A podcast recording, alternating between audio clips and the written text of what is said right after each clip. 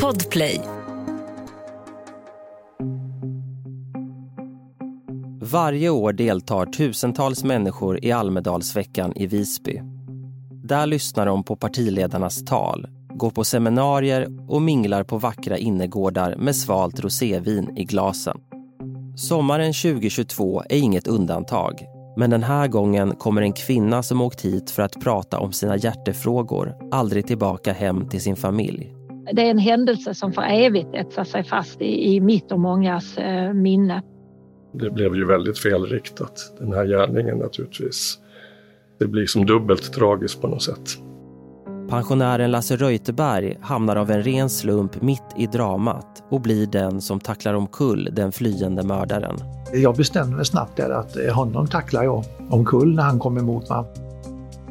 Du lyssnar på Jag var där sommarspecial med Andreas Utterström som gör den här säsongen tillsammans med Lisa Wallström. Nytt avsnitt av Jag var där varje onsdag. Om du inte lyssnar i Podplay-appen. Där finns hela säsongen redan nu. Helt gratis. I tre delar ska vi berätta om mordet i Almedalen 2022. Det här är avsnitt 1. Hjälten.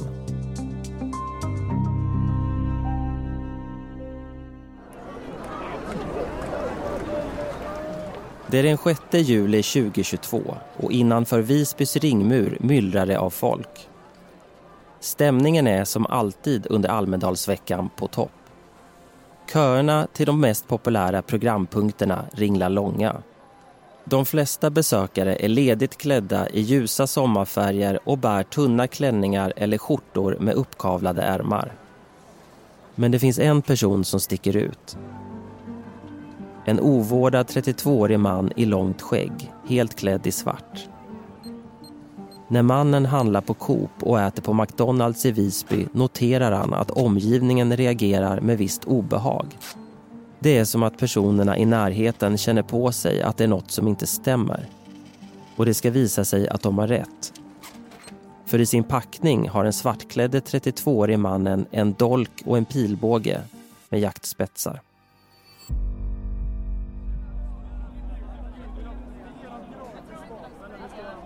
Men runt omkring honom pågår den intensiva Almedalsveckan i Visby precis som vanligt. Ett politiskt evenemang som har kallats för demokratins Mecka. Allt börjar med att Olof Palme 1968 håller ett tal på ett lastbilsflak i Almedalen. Med åren växer evenemanget till att pågå i en vecka och sedan 90-talet håller alla partiledare tal, inte bara Socialdemokraternas. Dessutom är massor av lobbyister och företag på plats. Det arrangeras panelsamtal och debatter. Samhällsfrågor blandas med rosévinsmingel och över 4 000 programpunkter är inget ovanligt. Det här gör att antalet människor i lilla Visby under en sommarvecka varje år fördubblas när lika många besökare som fastboende trängs i gränderna. För de som är intresserade av samhällsfrågor är Almedalsveckan rena julafton och den här mannen, han tillhör den kategorin. Eh, jag heter Lasse Reuterberg eh, och, är numera en ung pensionär. Tycker att eh, jag har jobbat färdigt under alla år men jag ägnar mig åt ett antal ideella verksamheter och bland annat så är jag nämndeman. Det är ju inte riktigt ideellt arbete men nästintill om man pratar på ersättningar. Men det är den stora pensionen jag har och sen jobbar jag med nykterhetsrörelsen vilket är Blå bandet idag. Den 6 juli 2022 är Lasse Reuterberg, precis som de senaste 15 åren, på plats i Visby tillsammans med sin fru. Under morgonen delar paret på sig eftersom de inte lockas av samma programpunkter. Efter att ha ägnat förmiddagen åt seminarier går Lasse Reuterberg vid lunchtid för att lyssna på Jimmy Åkessons tal. Jag var på gott humör och jag stod bredvid ÖB Bydén. Eh, vi stod bredvid varandra på talet där och jag tänkte faktiskt där och då att det är ju fantastiskt, här står vi i Almedalen och så står jag precis bredvid honom. Han har ju personskydd med sig.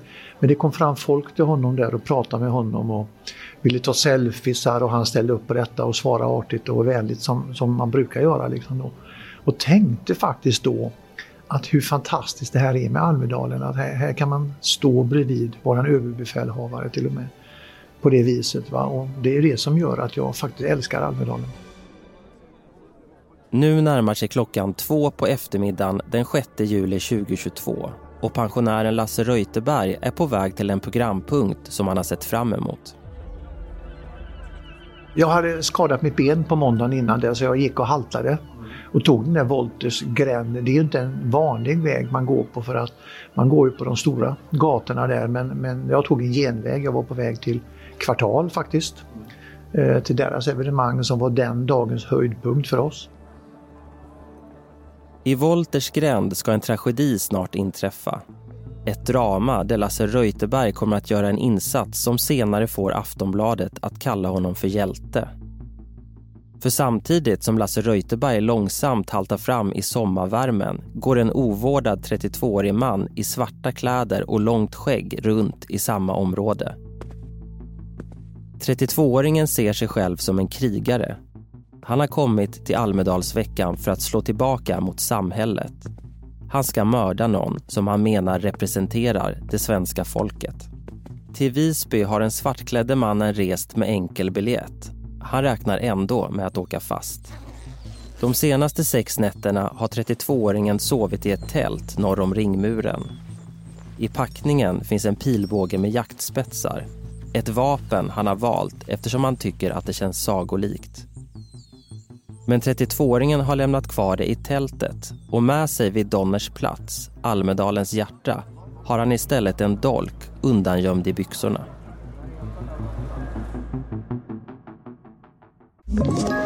Ett poddtips från Podplay. I fallen jag aldrig glömmer djupdyker Hasse Aro i arbetet bakom några av Sveriges mest uppseendeväckande brottsutredningar går vi in med hemlig telefonavlyssning och, och då upplever vi att vi får en total förändring av hans beteende. Vad är det som händer nu? Vem är det som läcker? Och så säger han att jag är kriminell, jag har varit kriminell i hela mitt liv men att mörda ett barn, där går min gräns. Nya säsongen av Fallen jag aldrig glömmer på Podplay. Klockan är ungefär tio i två på eftermiddagen den 6 juli 2022. En kort bit från den beväpnade 32-åringen befinner sig pensionären Lasse Reuterberg. Då hör jag plötsligt eh, någon som ropar stoppa honom. Eh, och då vänder man ju sig om. När man hör någonting sånt då vänder jag mig om. Och nu pratar vi om oerhört korta tider. Eh, och jag har ju kollat de här tiderna efteråt och det var verkligen kort om tid. Då såg jag en man som hoppade över ett staket på, på restaurang nere vid Donnersplats och då, nu pratar vi om att jag är 15 meter ifrån Donnersplats. Så det är nära. Eh, jag såg honom egentligen för att han hade en vit kavaj eller jacka på sig någonting sånt så det, han bröt ju mot det så det var därför jag noterade honom. Och nästa ögonblick så ser jag en, en mörk, mörklädd, svartklädd eh, man komma lufsande springandes emot mig då. Lasse Reuterberg inser att den svartklädde mannen är på flykt och att den andra mannen, han i vit kavaj, har tagit upp jakten.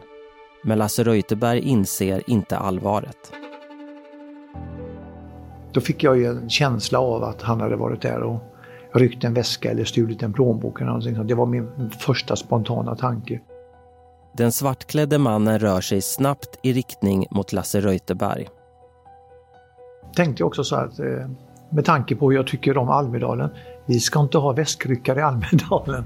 Eh, så att jag bestämde mig snabbt där att eh, honom tacklar jag omkull när han kom emot mig. Han sprang i uppförsbacke. Eh, och jag stod bredvid en dörr. Passade bra. Och det är fantastiskt när man tänker efter vad mycket man hinner tänka på de här två, tre sekunderna som det kan ha handlat om. Så att jag var helt klar över vad jag skulle göra. Ja, pensionären Lasse Reuterberg har fattat ett blixtsnabbt beslut. Det finns ingen tvekan, trots att han har skadat knät och inte är i sin vanliga form. Lasse Reuterberg har bestämt sig för att den flyende mannen förtjänar en rejäl tackling. Försökte se lite oskyldig ut. Ställde mig lite grann så han kunde komma förbi mig på min högra sida. Och sen när han var bredvid mig där så fick han en axeltryckning så han får upp i den där dörren och i backen. Och vad hände sen? Men han, han for ju som sagt var i backen där och jag vet inte om han slog i, om han tuppade av, men han blev liggandes på rygg i varje fall. Så han låg ju helt stilla och utslagen. Så varför ligger den svartklädde mannen kvar utan att försöka fly? Kanske beror det på att han de senaste dagarna haft problem med magen och knappt ätit något. Dagens lunch bestod av en burk Red Bull och några korvbröd. Men senare berättar gärningsmannen att han helt enkelt ger upp. Uppdraget är slutfört. Men det här är inget som pensionären Lasse Reuterberg får veta förrän långt senare. Nu står han där i gränden och tittar på den ovårdade 32-åringen som han nyss tacklat omkull. Samtidigt får Lasse Reuterberg sällskap av mannen i vit kavaj, han som tagit upp jakten på gärningsmannen. Han har också hittat vapnet, dolken som han plockat upp och nu håller i handen. Och eftersom jag då sitter i rätt mycket rättegångar som nämndeman så, så vet man ju det rätt väl att man ska ju inte pilla på sådana där saker. Så jag sa till henne att du ska nog inte hålla i den här kniven, lägg ner den på marken. Så han la ner den på marken där. Men gärningsmannen då? Ja, han ligger kvar där på kullerstenen, orörlig, utan att säga ett ord. Och jag stod ju bredvid honom eh, och var ju lite kluven för att eh, han fick ju inte komma upp igen och börja springa för det var min tanke. Han får inte komma upp igen så att jag, var ju beredd på att eh, faktiskt kunna sparka om han skulle börja ge sig upp igen och då visste jag ju att han hade haft en kniv. Så då var jag ju mer vaksam så jag stod ju inte alldeles direkt vid honom men säg en meter ifrån honom. Eh, då var jag ju beredd på det. Men han låg helt utslagen på rygg med armarna över huvudet. Andades väldigt tungt. Så jag blev också rädd för att han skulle sluta andas. Eh, där och då tänkte jag det att han får inte sluta andas liksom för att jag hade ingen lust att blåsa.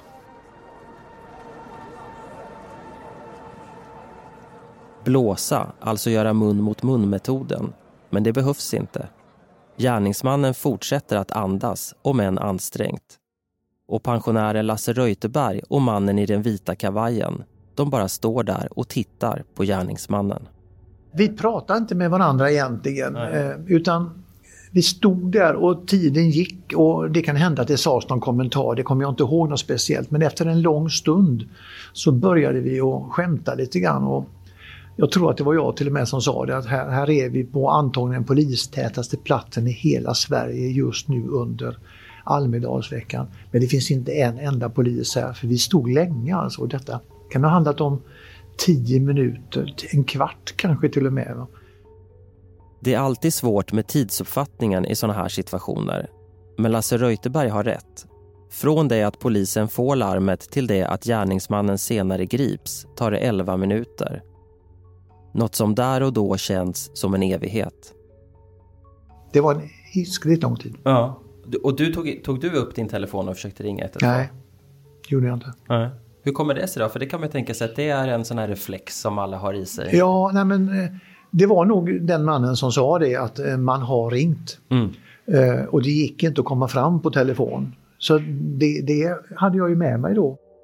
Pensionären Lasse Reuterberg fortsätter att studera gärningsmannen. Han var svartklädd. Han hade någon slags väska och jag, jag skulle kunna säga jag, jag fick en känsla då när jag tänker efter bakåt att han hade någon typ av, av axelväska eller någonting sådant. Då. Jättelångt tovigt skägg och långhårig och sådär. Va? Han såg rätt vild ut. Han såg ut som en uteliggare eller någon som hade bott i tält i en enkel camping under ett antal dagar. Ovårdad helt enkelt? Ja, väldigt olik de Almedalsbesökare man brukar se som är rätt vardagsklädda och somrigt klädda och sådär. Så var han väldigt annorlunda. Minuterna tickar långsamt framåt. Gärningsmannen rör sig knappt och säger fortfarande ingenting och Lasse Reuterberg börjar undra vad det här egentligen handlar om. För det är knappast, som man först trott, något så bagatellartat som en väskryckning. Väsktanken, Ja. den var ju borta i och med att jag såg kniven. Ja, då förstod jag Ja, ja. ja. Eh, och det var ju lite blod på den. Mm. Det var inte jättemycket blod, men det var blod på den. Så att eh, eh, då förstod jag att det var en knivskärning och då såg man ju också ner i backen. För som sagt då, jag såg inte henne, men, men hon låg precis runt hörnet och det är som sagt jag steg upp där själv. Det är 15 meter vi pratade om så det var ju nära. Då såg man att det, började, det var mycket folk där nere och det började röra sig då. Så att då insåg jag och förstod och det var ju egentligen kanske då som jag bestämde mig för att jag kommer inte gå nära honom utan jag håller mig en bit ifrån honom. Eh, men så pass att jag skulle kunna sparkat. Det jag tänkte på då, vilken skillnad hade det varit om det var en pistol istället för en kniv? Hade det brunnit av ett pistolskott på Almedalen, eller i, på Donners plats, så hade antagligen folk i panik sprungit därifrån och skrikit. Nu var det en kniv och det är helt tyst. En kniv är helt tyst. Tror du att du hade vågat stå kvar om mannen i den vita kavajen hade visat dig en pistol istället? Ja, det hade jag gjort likadant. Det hade du gjort? Ja. Det hade nog inte påverkat mig någonting eftersom Nej. han låg som han låg. Mm. Ja, det tror jag. Så till slut, elva långa minuter efter larmet, kommer polisen till Wolters gränd där gärningsmannen ligger utslagen och pensionären Lasse Reuterberg fortfarande håller vakt. Men gripandet börjar med förvirring. Polismannen som är först på plats läser nämligen situationen helt fel. Poddtips från Podplay.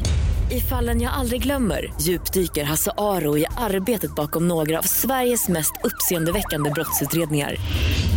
Går vi in med hemlig telefonavlyssning och, och då upplever vi att vi får en total förändring av hans beteende. Vad är det som händer nu? Vem är det som läcker? Och så säger han att jag är kriminell, jag har varit kriminell i hela mitt liv men att mörda ett barn, där går min gräns. Nya säsongen av Fallen jag aldrig glömmer på Podplay. Äntligen är polisen på plats. Men pensionären Lasse Reuterberg får inget tack för att han först tacklat gärningsmannen och därefter hållit vakt. Snarare tvärtom. Eh, för han kom ju upp där och gick ju på mig, polisen. Eh, för att det ligger en människa på marken utslagen och så står det en bredvid eh, och såg väl kanske inte vet jag, jag kanske såg farlig ut. Ja. Så han gick ju på mig först när det var någon som ropade, nej det är liksom inte han som är, utan det är han som ligger ner som är förövaren då. Alltså han var på väg att gripa dig? Ja, ja, ja. Han, ja. han gick på mig och skulle liksom eh, ta tag i mig, den ja. polisen då. Eh, och han har ju visat sig, han var ju lite i chock han också då. Mm. Eh, och, och stressad, hade kommit spring, springandes ifrån handplan någonting sånt om jag förstår det rätt. Och, Polismannen inser nu att det är den ovårdade 32-åringen på kullerstenen som han är ute efter. Klockan är 14.01 den 6 juli 2022 när gärningsmannen grips. Nej, men han sätter sig gränsle över honom ja. och håller ner honom och, och sådär och börjar vi känna över honom. Eh, vad han gjorde exakt, det vet jag inte för då kom det ju också andra. Plötsligt så är det väldigt mycket poliser där eh, civilpoliser. Plötsligt så kom det fram folk och då hade de fått på sig små mössor och små armbindlar och så där, mycket civila poliser. De jag trodde fanns på Donners plats, men de var ju åt lunch. Gärningsmannen ligger kvar på kullerstenen. Samtidigt hålls ett första kort förhör med Lasse Reuterberg. Nej, det var egentligen berätta vad som hade hänt och, och, och sådär om jag hade sett kniven och alla de här frågorna kom ju där. Och de, de var ju också lite stressade poliserna där för att eh, de kom ju in rätt sent där också. Mm. Jag har sagt det vid några tillfällen och även på polisförhör och sånt. Det skulle vara kul att vara en fluga på väggen på polisernas möten efteråt där att höra. För att det måste varit rätt tuffa tongångar över att alla var och käkade lunch samtidigt. Mm. För det borde funnits poliser på Donners plats, men det gjorde inte det. Nej. Och efter det här förhöret då, när du har lämnat dina kontaktuppgifter och allt sånt där så att de kan kontakta dig igen.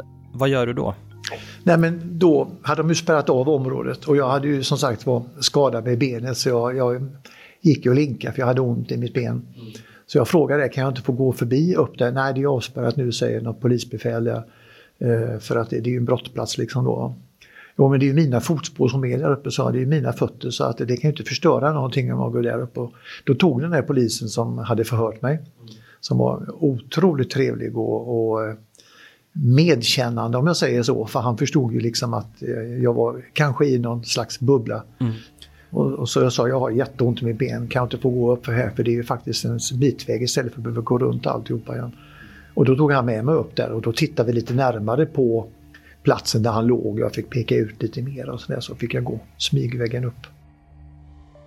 Vid den här tidpunkten är det få som känner till vad som har hänt att en kvinna är svårt skadad efter att ha attackerats med dolk av den 32-årige man som pensionären Lasse Reuterberg just har stoppat. Ingen vet heller att det kvinnliga offret senare kommer att avlida till följd av sina skador. att det som pensionären Lasse Reuterberg först trodde var en väskryckning i själva verket är ett mord. Så han ser ingen anledning att avbryta sina planer. Nu vill Lasse Reuterberg bara vidare till dagens höjdpunkt, seminariet som arrangeras av mediebolaget Kvartal. Och jag hade till och med skickat ett sms till min fru vi skulle träffas ja. på det här seminariet.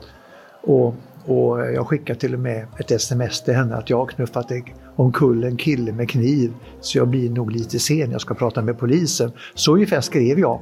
Och så odramatiskt som jag beskriver det nu, så odramatiskt kände jag där och då faktiskt att det var. Men hur reagerade frun då? Ringde inte hon och undrade vad är detta? Nej, man tycker det va, men hon, hon läste väl in ungefär det som, som jag sa att jag skrev i smset. Ja. Så att på kvartal så var det så att det var ju sån där gästlista där så hon hade sagt att min man kommer med också, han heter si och så. Han har tydligen knuffat omkull någon med en kniv så han, så han kommer lite senare. Så mer än så var det inte och så träffades vi där och sen så lyssnade vi på det här. Inte ens den som på eftermiddagen den 6 juli 2022 lyssnar på Studio 1 i Sveriges Radio förstår hur allvarlig situationen är. För där låter det så här. Det är Centerpartiets dag idag, men det är också en dag där ett eh, knivdåd präglar stämningen just nu. Knivdåd rapporterar Sveriges Radio. Men är den gripne 32-åringen bara en av flera gärningsmän kan det här, med tanke på alla makthavare som nu trängs i lilla Visby, vara en del av en större terrorattack? Borde resten av Almedalsveckan ställas in? Måste alla tusentals passagerare vid färjeterminalerna och på flygplatsen frågas ut och få sina bagage genomsökta? Vad är det egentligen som har hänt? Och hur ska de ansvariga för Almedalsveckan berätta vad de vet utan att skapa panik? I nästa avsnitt, del 2 om mordet i Almedalen träffar vi en person som kastas rätt in i kaoset vid en tidpunkt då alla har massor av frågor men ingen några svar. Mia Sture, verksamhetsledare för Almedalsveckan. Vi har ju tränat den här typen av händelser, men träning, hur realistisk den än kan vara till ett skarpt läge, den, det är ett väldigt, väldigt, väldigt annorlunda, en annorlunda situation.